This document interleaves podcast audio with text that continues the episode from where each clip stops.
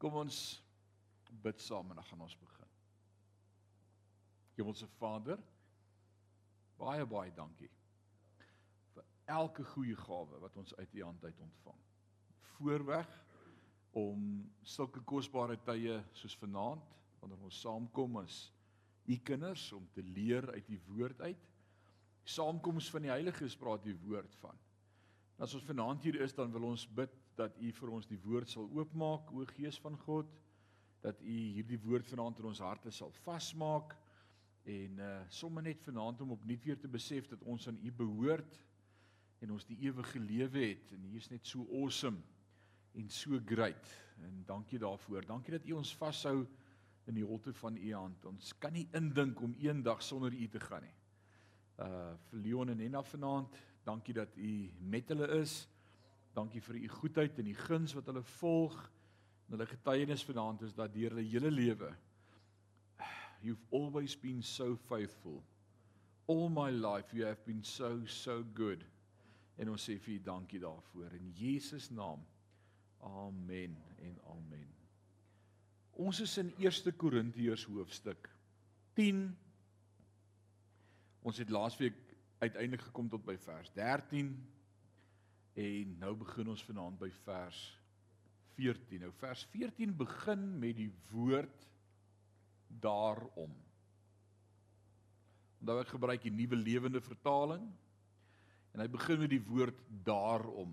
Nou die oomblik as ek nou daar sou begin en ek kies om vanaand die perakoop daar af te skop by vers 14, begin 'n mens 'n gedeelte of 'n sin met die woord daarom.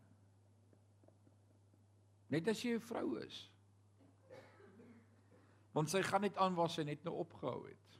Dit kan ure later wees. Jy moet luister. So wat was die wat was die as hy nou sê daarom, wat is die wat is die gedagte wat hy saambring in hierdie sin in as hy sê daarom?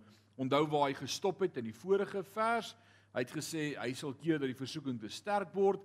Midde in die versoeking sal hy vir 'n uitweg sorg sodat jy dit kan verduur. Sê amen.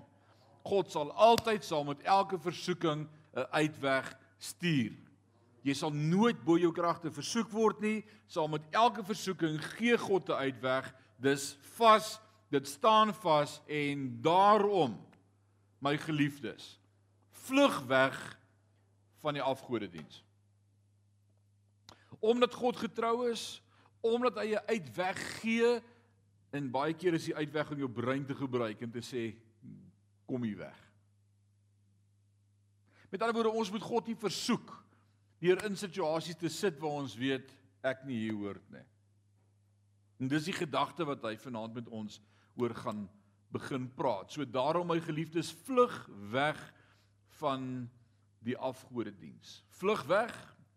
En ek wil vanaand sê vlug weg van enige persoon, enige aktiwiteit enige stokperdjie, enige gedagte wat in die pad staan met jou verhouding met jou Skepper en Verlosser.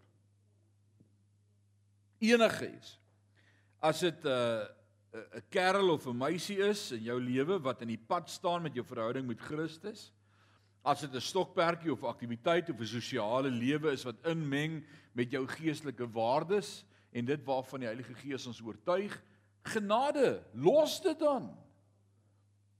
Hoekom wil jy aanhou vashou daaraan? Dit gaan jou lewe verwoes.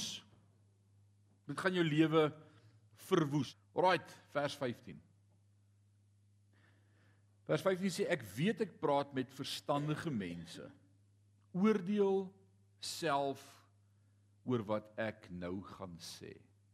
En dis altyd 'n goeie ding. Beoordeel self die woord. Maar net nooit sê gaan gaan oordink die woord. So Paulus se waarskuwing kom nie as 'n wet of 'n reël nie. Hy sê ek deel dit uit wysheid uit. Hy sê luister nou maar na my. Dis nou wanneer oupa vir jou sê luister my kleinkind, laat oupa nou vir jou vertel. Dis soos nou kan jy maar luister. Jy hoef nie die foute self te maak. Vers 16. Wanneer ons aan die tafel van die Here die seën oor die beker uitspreek, kry ons mos aandeel aan Christus se bloed. So kyk waar gaan hy nou heen? Ons het begin in hoofstuk 8 terug 7 het ons begin praat oor offervleis, né?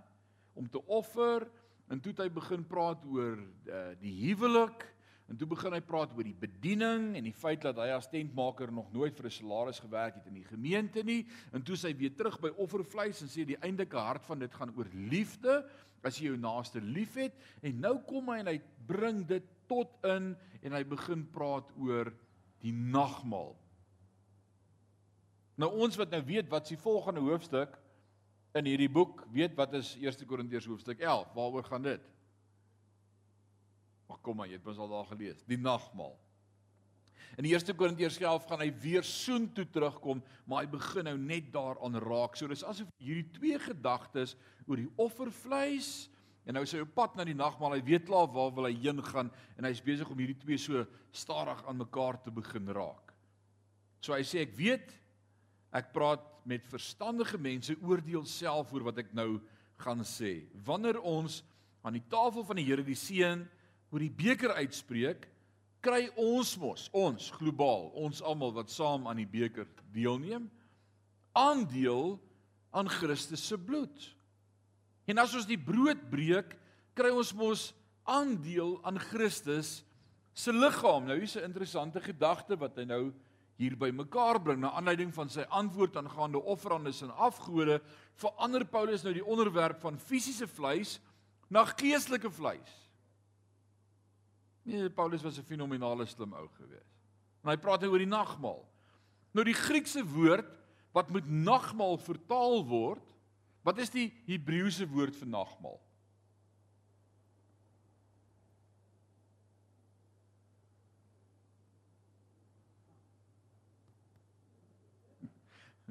Kom aan, waar is ons studente?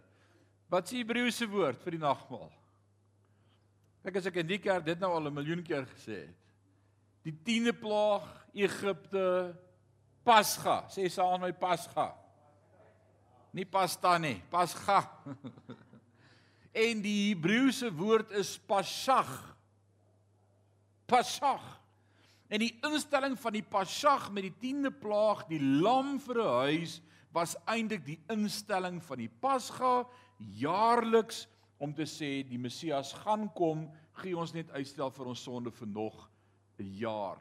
Nou kom Jesus in Johannes 13 en hy verander die Pasga of die Pasag van jaarliks af en hy sê so dikwels elke keer eet julle nou en nou sit hy waarde by. Hy vertel nou iets wat hulle nie geweet het nie. Hy sê dit is my liggaam en my bloed.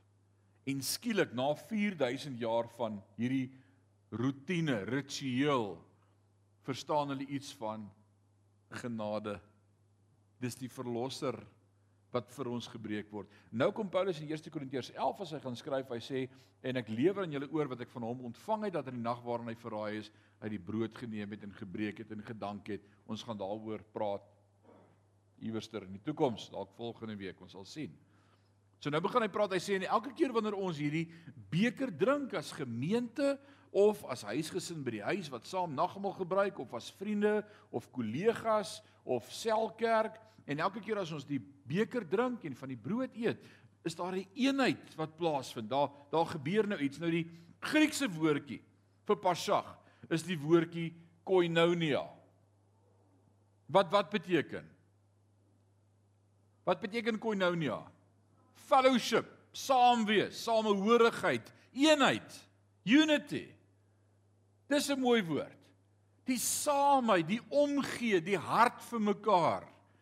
Dis nie meer my saak en Attie se saak nie. Dis nou, jy's Attie, hoe gaan dit met jou? Kyk in my oë. Ek ek voel saam met jou. Daar's nou 'n 'n 'n samehorigheid, 'n fellowship en die, hy sê dis wat die nagmaal doen omdat ons almal aandeel aan een en dieselfde brood kry, maak ons almal saam, al is ons baie mense, een liggaam uit.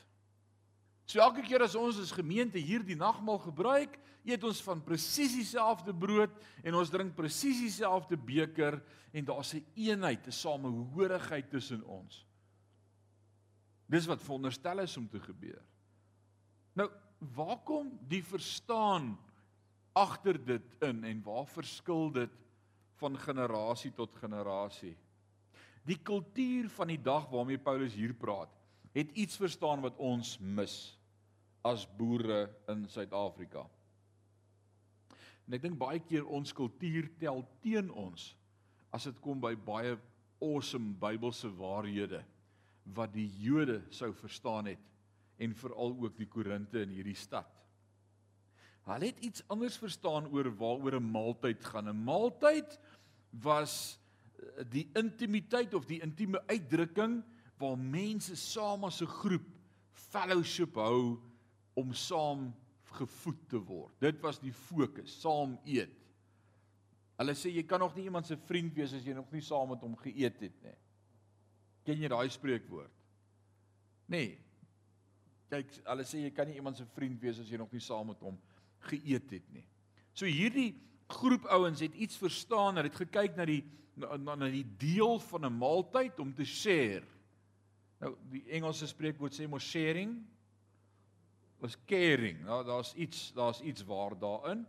Nou nou voor die dae van silwerware en mooi tafeldoeke en al die goed en in Jesus se tyd selfs daar in die boefretrek in Johannes 13 was die gebruik gewees dat hulle om 'n lae tafel sou lê en die brood breek. En 'n ete sou tipies gewees het 'n lekker groot boerbrood wat gebak is of 'n paar brode wat daar sou heel lê, daar was nie broodmesse nie. En dan sou jy vir jou 'n stuk brood afbreek en die brood aanstuur, so daar's 'n eenheid, ons is almal dieselfde. En dan sou daar een groot pot stew of 'n pot sous, 'n een, een pot gereg gewees het. Ons boere het gepraat van pap en tik. Nou, Eh, en dan vat jy hierdie stuk brood en jy sou hom in daai sous of stew doop en dit sou die voedsel gewees het. Dit was jou metode om die kos by jou mond uit te kry. So almal wat aan tafel gesit het, het geshare. Almal se hande gaan in die pot. Almal deel aan daai sous. Party van julle sê ek eet nooit weer vleis, nê. Nee. Maar daar was iets in die kultuur. Daar was nie neus optrek gewees nie. Dit was dis deel van ons kultuur. Ons is so groot gemaak. Ons het in ons eie land het ons kultuurgroepe wat vandag nog by sulke byeenkomste share. Hulle hande gaan saam in die pot in. Dis after al die tools wat God jou gegee het van geboorte af. Maar ons het grand geword en in ons proses van grand word het ons afstand gedoen van daai eenheid wat God bestem het ook tussen mense sal wees om saam kos te eet. So het hierdie gemeente iets verstaan van om te share En daarom omdat hulle van dieselfde brood en vleis geëet het, het hulle geglo dat hulle uniek gebind is deur die gemeenskaplike voedingsstowwe wat hulle gedeel het. En nou is daar 'n eenheid, daar's nou 'n bond tussen hulle. Soos Brak en Jan en sy bende, kom ons om, kom ons almal om. Daar was daar was 'n samehorigheid geweest. Nou as Christene, wanneer ons na die Here se tafel kom en van dieselfde brood eet en dieselfde wingerdstok drink, is daar 'n eenheid, 'n koinonia tussen ons sowel as 'n eenheid tussen ons en Jesus. Daar's daar's twee boodskappe, twee goed wat gebeur met die nagmaal en hoekom die nagmaal so kosbaar is in ons lewe. Dit verbind ons aan mekaar. Hier sit Marlene voor en ek eet my nagmaalbroodjie en sy hare Maar as ek aan die oë kyk en vas sê, "Hoe gaan dit met jou?" dan sit soos hierdie is 'n suster, nie 'n stranger nie. Ons is saam God se kinders. En ons as gemeente is geneig om elkeen ons eie ding te doen. Wie wie daar gesit vanaand? Nee, ek weet nie, ek ken hulle nie. Quarry nie. Ek sit hier en dis my plek. En as jy op 'n Sondag hier kom en iemand sit op jou plek, dan is dit dan is daar moeilikheid. Dan is die duiwel los. Nee, ons is 'n familie. Ons ons share almal. Maar, ook is ons in 'n een eenheid met Christus. En en Leon is in dieselfde eenheid met Christus as wat ek met Christus is. Hy is nie in 'n sterker verhouding met die Here as met as ek nie. Hy's nie 'n beter kind van die Here as wat ek 'n beter kind van die Here of 'n swakker kind van die Here is nie. Ek weet jare terug was daar 'n ding wat gesê, "Jesus, daai ou is diep gered." Wat beteken dit? Beteken dit daar's ouens wat vlak gered is? Nee.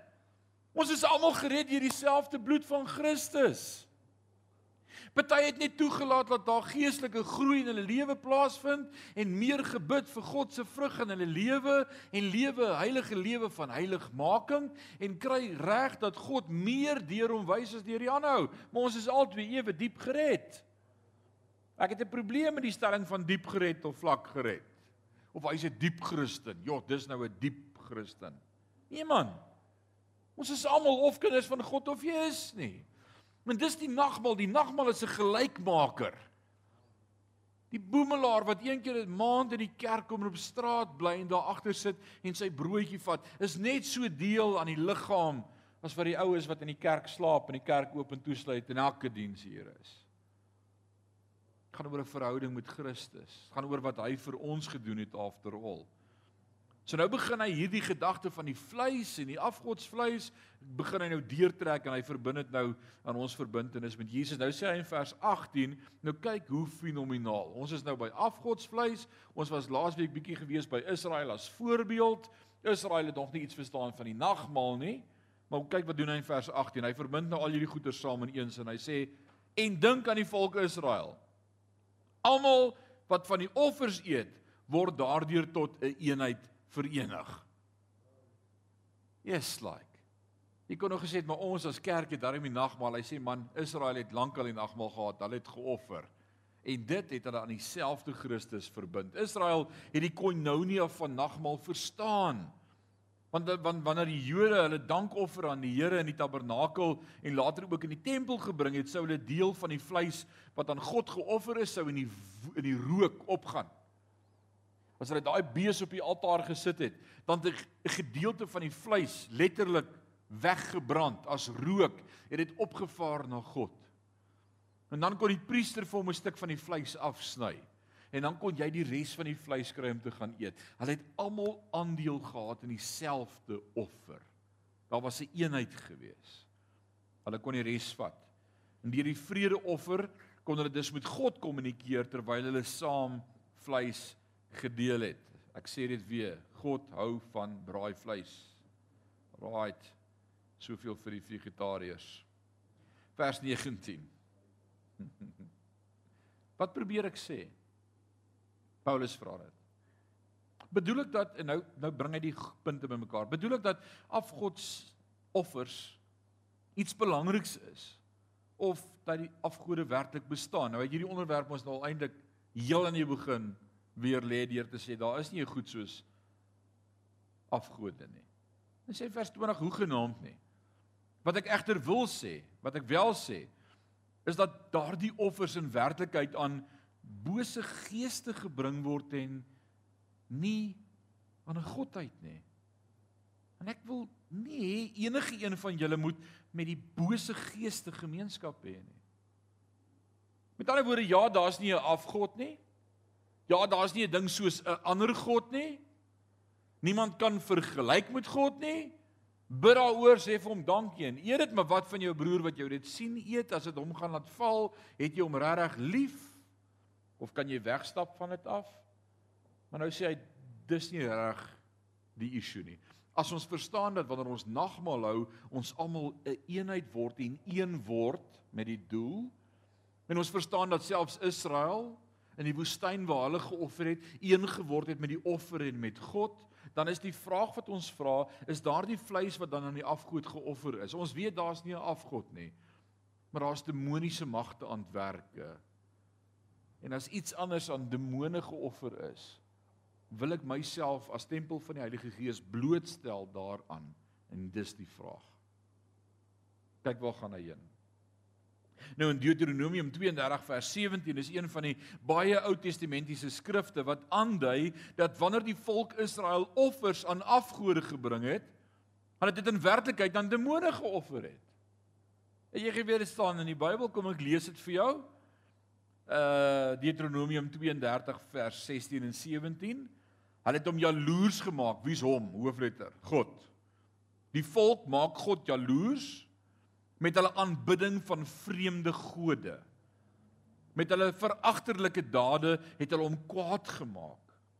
Hulle het offers gebring aan demone wat nie gode was nie.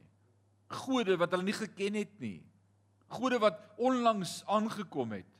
gode wat hulle voorouers nooit gedien het nie.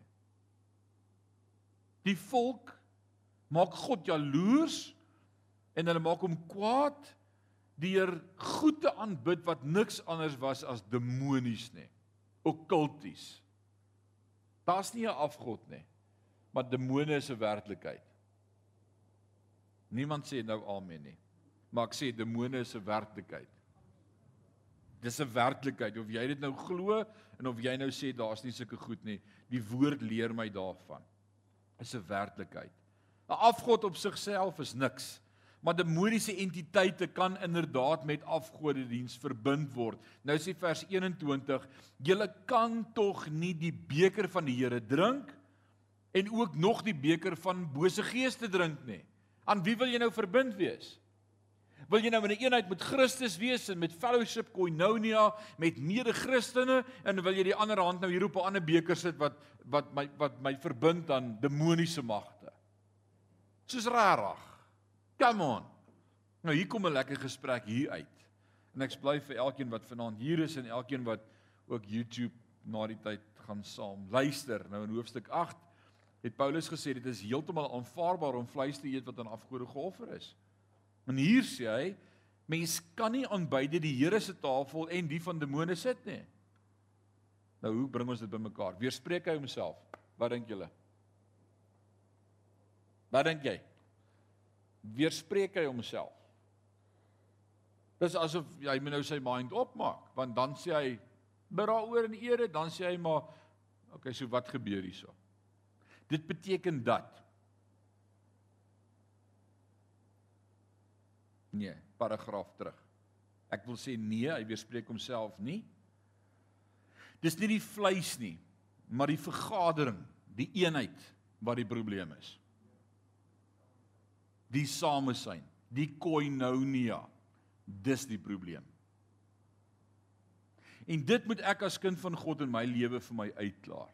Want terwyl dit geoorloof was om vleis vanuit hierdie afgodstempels te koop, was dit nie toelaatbaar om deel te neem aan die afgodsoffers wat by die tempels gebring is nie.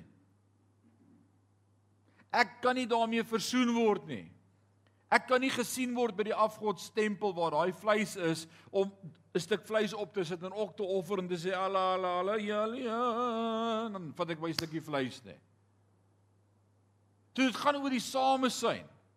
Wie word aanbid en verheerlik daar? God? Uh uh. Die vleis, dis nie 'n probleem nie. Eer dit. Maar die daad, dit waarmee ek my verbind as 'n een eenheid. Dis ouens saam met wie ek fellowship Dis die probleem. Wat beteken dit vir my vandag? Dit beteken dat alhoewel ek die vryheid het om na sekere kroë of sosiale tonele toe te gaan, in 'n koue te drink of 'n bier te drink of te drink wat jy wil drink, as daardie plek aan duiwelsaktiwiteite gewy is, kan ek nie daar wees nie. En ek maak dit nie 'n wet nie. En ek sê nie dis 'n reël nie. Ek sê as ek 'n tempel is van die Heilige Gees, klaar die Heilige Gees my aan die oomblik as ek my voet by daai deur sit. Wat soek jy hier? Want skielik is ek nou in eenheid, in fellowship met duisternis wat beslis nie vanaand gekom het om te vertel hoe awesome is God vir hulle en hoe great is hy nie. Dis nie 'n gesprek wat ek in my lewe in 'n kroeg gehoor het nie.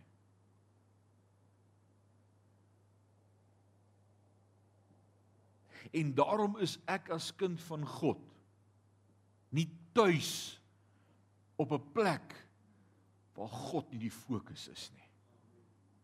Ek gaan nie hel toe nie. Maar ek doen afbreek want nou word ek in eenheid met hierdie dinge. En weet jy wat? Dis waar die goggas op jou klim. My pa het altyd gesê rondloop rond kry bosluise. Al daai goggas wat op jou klim wat jy nie weet waar hulle vandaan gekom nie, is omdat ons op die plekke is waar daar goggas op my kan klim. Want God is nie daar nie. Dis die probleem. Ek kan nie Saterdag aan saam met 'n klomp demone sit en kuier en Sondag wil kerk toe kom en dink alles in my lewe is honkie dorie, my huwelik is great, alles werk net mooi uit En vanmôre gaan ek die teenwoordigheid van die Here daarin beleef. Jo, was die Here nie daar nie. Jy gaan die bus mis. Jy gaan Jy gaan nie vrymoedigheid hê nie. Jy het nie vrymoedigheid nie. Vers 22. As jy werklik die Here, wil jy werklik die Here uittart. Nou kyk hoe ver gaan Paulus nou rondom hierdie gedagte. Wil jy die Here uittart? Ons is tog nie magtiger as hy nie. Met ander woorde, as ek op plekke rondhang waar die atmosfeer korrup is, druk ek die Here tot jaloesie.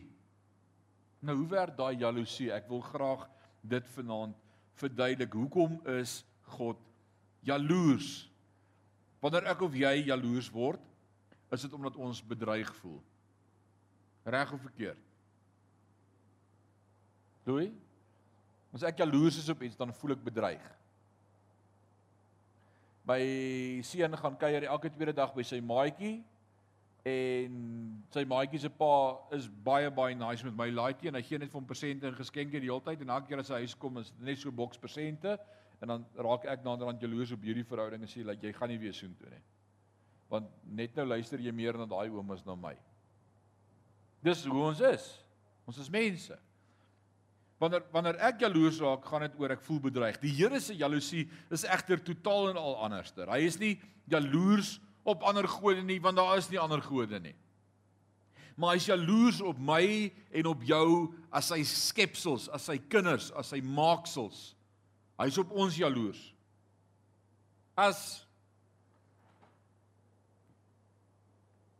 Grant nou hier aankom met 'n meisie. O, hy het 'n meisie. Kom ons vat 'n ander voorbeeld as as as Tia nou hier aankom met 'n meisie by die kerk. Dan sê oom, ek wil hom net voorstel, hierdie is nou Kokkewiet. En ek kyk Kokkewiet so en ek sê maar hierdie gesig het ek al iewers gesien. Sy was op Most Wanted Criminals. Sy's 'n serial killer. Daar roep ek vir Tiaan een keer, dan sê ek Tiaan my kind, jy moet wegbly van hierdie girl af. Sy gaan vir jou doodmaak.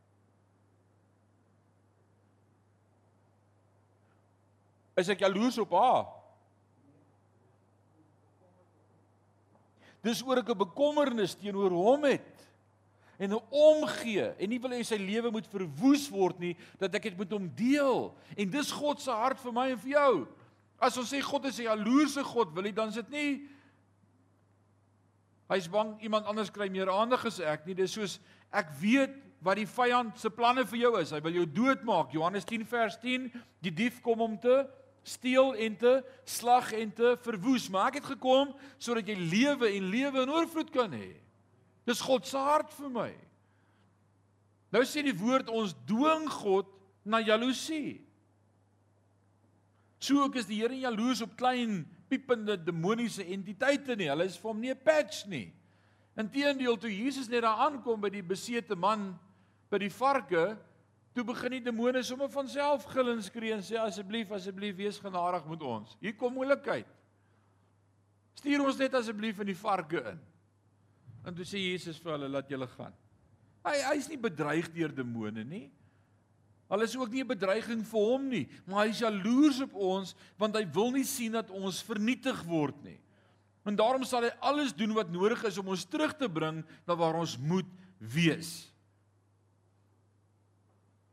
En ek wil vir jou sê as dit jou gewoonte is en da daarom praat ons van as kind van God, die ouens stap met hulle een voet in die wêreld. Stap met jou een voet in die wêreld en jou een voet by die kerk of jou een voet in 'n verhouding met die Here. Jy kan nie. Ek wil dit vanaand kategories prontuit sê, jy kan nie. Jy flous jouself. Jy's of uitverkoop aan die Here of uitverkoop aan die vyand. Dis net so.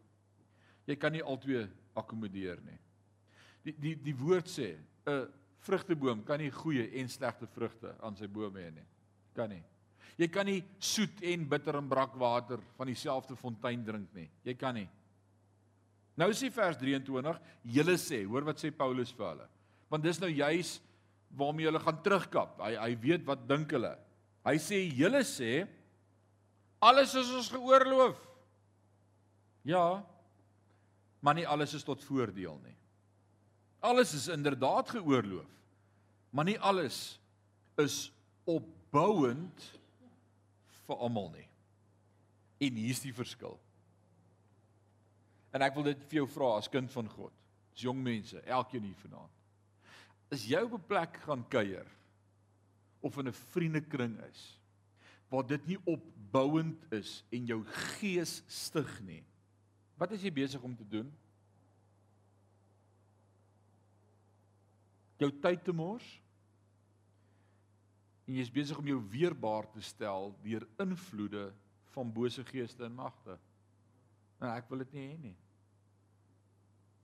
En dan kom ek soms op 'n plek en as ek gaan sit dan sê ek net my vrou ek voel ontuis. Weet jy waarvan ek praat? Jy voel net nie tuis nie. Jy word genooi om 'n paartjie te trou en die troue se bruilof by te woon na die tyd. Dan sê ons ja, ons is daar, dit is ver, sal dit bywoon. In 5 minute in daai onthaal in sê ek vir ek dink ons moet gaan. Dis nie ons sien nie. Dis nie die manier hoe ons as kinders van God hoort nie. Kom ons gaan. Kry jou by die kar. Sy stap daar uit en ek daar uit. Ons kry mekaar by die kar. So het jy uitgekom. Weet jy waarvan ek praat? Jy hoort nie daar nie. Leer om te luister wat die Heilige Gees in jou in jou hart vir jou sê. Dit gaan nie vir my sonde wees om daar te wees nie. Ek het dit nie nodig in my lewe nie. Dit verheerlik God nie. Right. So dit is nie 'n kwessie van kan ek soontoe gaan of kan ek dit doen nie. Alles is wettig. Die vraag is, wil jy saam met demone sit en kuier? Dis die vraag. Wil jy jaloesie by God bewerk? Nee, nee, nee, nee ek wil nie. Nou sê vers 24, moenie op jou eie belang Ha, oh, hier's hier's 'n belangrike een. Moenie op jou eie belange ingestel wees nie, maar wees ingestel op wat vir almal die beste is. So, die eie ek. Jy het dalk die vryheid om na sekere plekke te gaan om aan sekere aktiwiteite deel te neem. Weereens die vraag, wat sal jou deelname aan 'n broer doen wat jy daar gaan sien?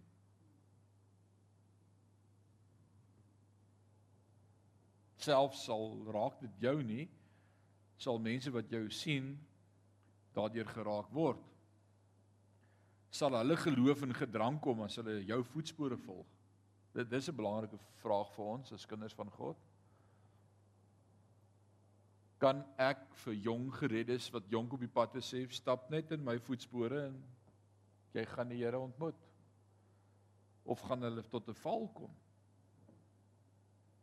Handel dan soos volg. Vers 25. En hier kom die konklusie eet alles wat in die slaghuis verkoop word. Moenie vra of daarvan aan die afgode offer was of daarvan aan die afgode geoffer was of nie sodat julle gewete nie belas word nie. Want die aarde en al sy volheid behoort aan die Here. As 'n ongelowige julle vir 'n ete nooi en julle besluit om te gaan uh, met let wel 'n ongelowige met ander woorde 'n afgods dienaar moslems hindus hadi krishnas nooi jou vir ete. En jy besluit ja ons gaan vanaand by Amir hulle eet. En jy kom daar. Eet dan alles wat aan julle voorgesit word sonder om enige vrae te vra. Fyn moet dit dan nie vir julle gewete moeilik maak nie. Met ander woorde, die probleem kom wanneer ek dit weet. Want nou nou is hier 'n innerlike stryd. Moenie as ek jou nooi vir ete in 'n skaapkerry opsit vir my vra as daar afval in nie. Moenie. Eer dit net. Wie sê amen? Moenie vra as daar wildsvleis in die wors nie, sê Paulus. Eer dit goed. Sê vir die Here dankie in eer dat hy dit gemaak. Maar hier kom die probleem. Vers 28 sê maar En daar's 'n uitsondering. Veronderstel iemand sê vir julle dat die vleis vir 'n afgod geoffer was. Moet dit dan nie eet nie uit bedagsaamheid teenoor die een wat dit vir julle vertel het en ter wille van julle gewete. Want die aarde behoort aan die Here en die volheid daarvan. Hoe verstaan ek dit dan nou? Hy het nou net gesê as Mohammed my nooi, moenie vra wat's in die pot nie, eet alles op. Maar as ek gaan sit om te eet en Mohammed sê vir my, ek hoop nie jy het 'n probleem daarmee nie, maar ons het hierdie geoffer vir Allah. Dan sê hy om my te help om my getuienis te behou. Sê vir hom, weet jy wat? Dan gaan ek nie daarvan kan eet nie. Want ek behoort aan God. Want eintlik is dit 'n trick question. Dis eintlik wat hy vir my sê. Eintlik eintlik wil hierdie ou my nou laat val. Hy wil vir my 'n trap stel. En hy wil hê ek moet daarin trap. Dan sê hy sien jy het geen gewete nie. Jy het geen uh beginsels in jou lewe nie. Jy's onbeginsel vas. staan. Die woord sê dat jou ja jou ja wees en jou nee jou nee. Just just stand by it. Nou hoekom herhaal hy weer? Hy sê want die hele aarde behoort aan die Here en die volheid daarvan. Hy het dit nou in vers 27 die eerste keer gesê. Nou kom hy in vers 28 en dan sê sommige Bybelvertalers dis per ongeluk herhaal. Dit moenie daar wees nie. Dis foutiewelik herhaal. Ek sê nee. Wat noem mense dit in Afrikaans as jy dieselfde ding oor meer twee keer, drie keer sê? Nie hakkel nie, is nie repeteer nie. As ek sê die ou is mors dood.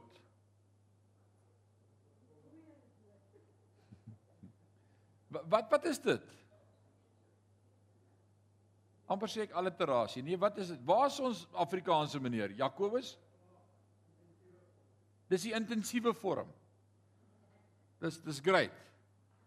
So ek wil iets oorbeklemtoon. Ek sê dit twee of drie keer, die uiterste vorm daarvan. Nou hoekom sê Paulus dit 'n tweede maal?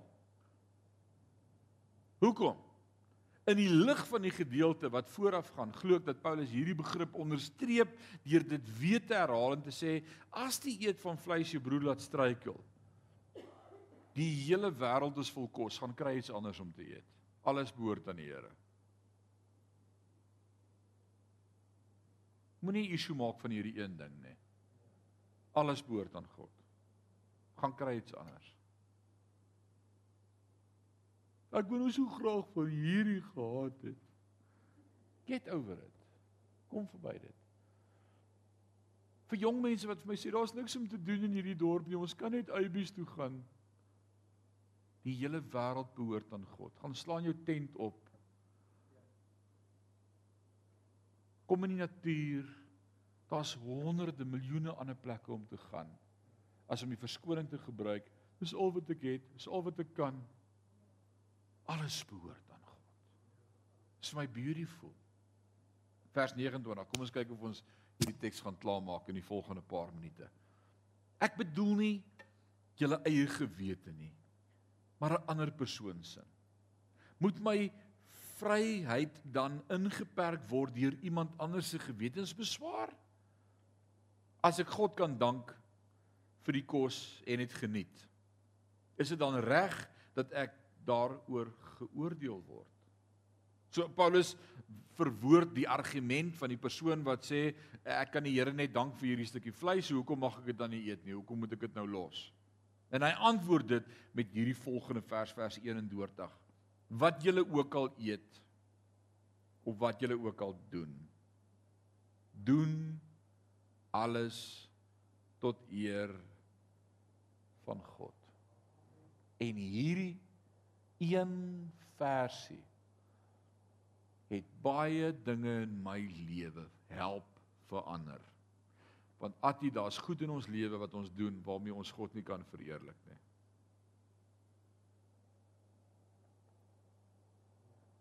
In elkeen van ons se lewe. En dis die vraag. Wat julle ook al doen, wat julle eet, wat julle drink, doen alles tot eer van God. Jesus, dit is nie 'n mooi barometer in die lewe nie. Ek wil dit op Christian se 21ste verjaarsdag op sy koek skryf. Doen alles in jou lewe my kind tot eer van God. Alles. Jesus, ek het vroeër in my lewe geweet het, het ek baie minder nonsens aangejaag. Moenie die Jode aanstoot gee nie. Ook nie vir die Grieke of vir die gemeente van God nie. Dit is ook my beleid. Ek probeer om almal in alles te gemoed te kom. Ek soek nie my eie voordeel nie, maar die van baie ander met die oog op hulle verlossing. Yes like. Ja. En hier verander skielik alles. Hier verander alles die onderliggende rede vir die prysgee van vryheid. Die onderliggende rede vir hoekom ek nie meer na sekere plekke toe gaan en sekere dinge doen nie. Die rede hoekom ek nie meer seker saam met sekere ouens kan kuier nie. Praat hierdie week met 'n jong man wat huweliksprobleme het. Ek sê vir hom, "Wat is die fout?" Hy sê, "My vrou like dit nie as ek kuier nie, maar kuier hard." Moet sy my net regkom. Kuier hard. Maar kuier hom nie elke week, net Saterdag. Ek sê vir hom as hard kuier jou huwelik gaan kos. Hou net op. Maar wat gaan my vriende dink? Gaan ek my vriende verloor? So En en as ek na hierdie teks kyk vanaand en ek en ek en ek hoor wat ou Paulus hier skryf vir die gemeente, doen alles tot eer van God. Dan wil ek sê kind van God, daar seker goed in jou lewe wat jy nie kan doen nie. Want dit is nie tot eer van God nie. En as jy dit nie tot eer van God kan doen nie, dan dood. Dan dood. Terwyl hy hierdie belangrike vraag van Christendom en hierdie Christelike vryheid tot 'n einde bring, gee Paulus drie vrae om onsself te vra met betrekking tot enige aktiwiteit. Jy jy moet hierdie drie verse lekker saam lees, vers 30, 31, 32. Drie vrae wat jou kan help om enige aktiwiteit te evalueer. Vers 30 Kan ek die Here daarvoor dank? O Lord, for what I'm about to do, I thank thee. Nee. Kan nie. Ek wil nie hy moet weet ek gaan dit doen nie. Eerste vraag. Tweede vraag, vers 31. Sal God daardeur verheerlik word? Gaan die engele in die hemel begin Hosanna in die hoogste sing en God die eer kry vir wat ek nou gaan doen? Nee, ek wil nie iemand moet daarvan weet nie. In vers 32 sal iemand daardeur kan struikel. En as ek sê ja, iemand gaan kan struikel, dan behaag ek nie God nie.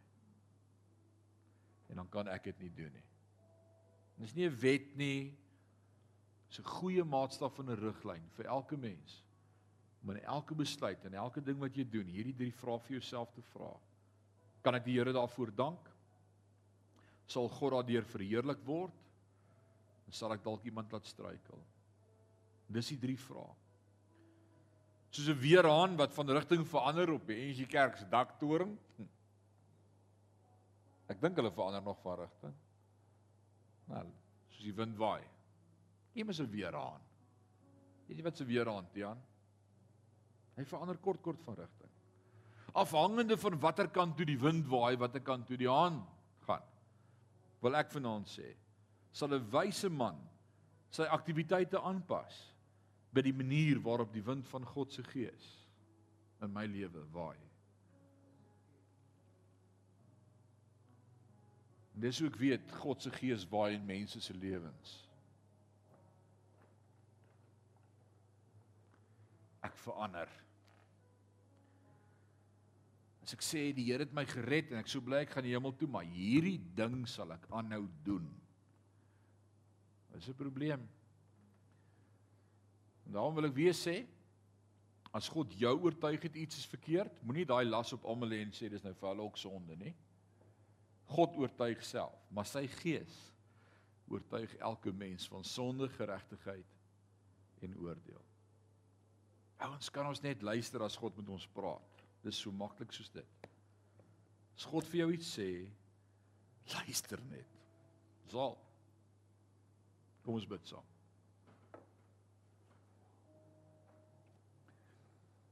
Aba Vader, dankie vir u woord. Dankie vir die beweging van die Heilige Gees vanaand in ons midde.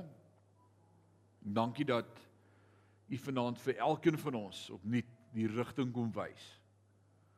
Ons wil baie keer diep teologies argumenteer en filosofeer en redeneer oor baie dingetjies en gewoontetjies wat ons het. Maar is baie maklik. Kan ek God daarvoor dank? Sal U daardeur verheerlik word? En gaan ek iemand anders laat struikel? En as ek op enige drie van hierdie vrae in die negatiewe vorm antwoord, dan is dit my barometer om vir my te sê ek's besig met verkeerde dinge is besig om verhoudings te verwoes.